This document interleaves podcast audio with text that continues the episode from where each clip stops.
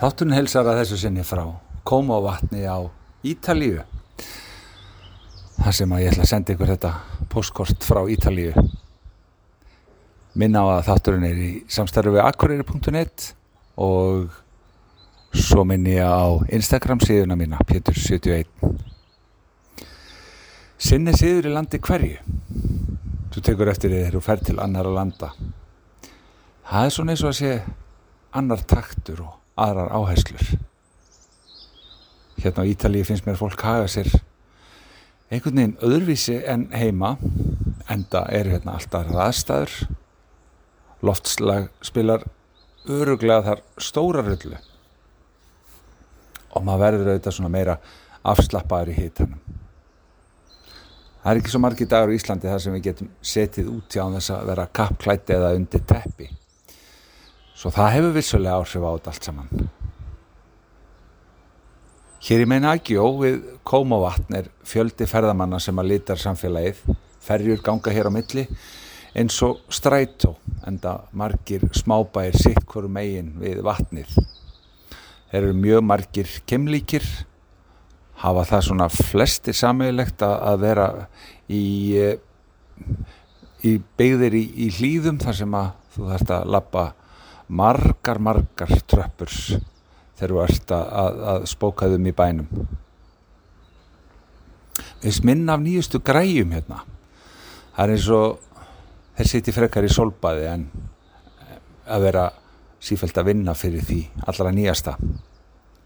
Kannski minna stress hérna, ég veit það ekki og mögulega minni streyta fór að velta því fyrir mér þegar ég satt og borðaði brauð enn einn brauðdægin að setja fram eina kenningu.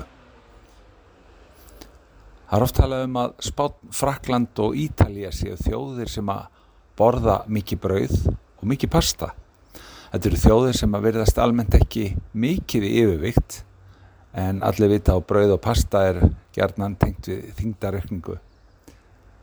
Gæti verið af því að þau drekka vín frekarinn góð strikki að það sjá staðin ég er svo sem ekki að mæla mig í víndrykju en það hættur svo leið sjálfur en ég seti þetta bara svona fram. Eða er það af því að uh, þau eru síður í kapplaupi við að eiga alltaf nýjasta og eru því minna stressuð? Er streitan pluss brauð átt að valda frekar þingdaraukningu eða eru það kannski skamta stærðinar Þetta er nú einungi svangaveltur og ég hef engar vísindarlegar samanburðar rannsóknir. Þetta er nú bara það sem ég fór að hugsa um einn daginn þegar ég satt á torkinu með croissant eftir að hafa borðað mikið brauð síðustu daga. Svo er það uh, annað í taktinum sem eru reglur. Mér finnst við Íslandingar stundum ekki fara alveg eftir reglunum eða tegjum þær aðeins. Hér fór ég til dæmis í maturverslun sem að uh, lokar klukkan 21 og klukkan var 10 minútur í og var 10 minútur í nýju. Þegar við gengum inn í verslunna þá kom örgisverður sem að kallaði mjög uh, hátt á eftir okkur að við hefðum 5 minútur til að versla. Við þurftum að vera komin að kassanum 5 minútur í nýju og hann fylgdi því virkilega eftir, hann gekk á eftir okkur til þess að vera vissum að við verðum ekkert að slóra. Því búðinn, hún lokar klukka nýju ég er blessunlega laus við að hafa farið í fangelsi en þannig að leið mér sennilega eitthvað svipað að vera í fangelsi. Og svo læri maður alltaf eitthvað nýtt í svona ferðum.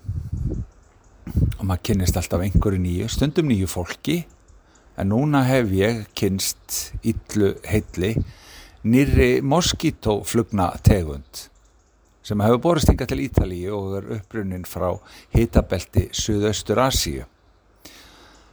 Hún heitir Tigris moskító og þar ber hún sannlega með nafn með rentu því að hún lætur þið finnast og ekki vera lengur á toppnum í fæðukæðinni. Guð veri með ykkur og hvaðjur frá Ítalíu.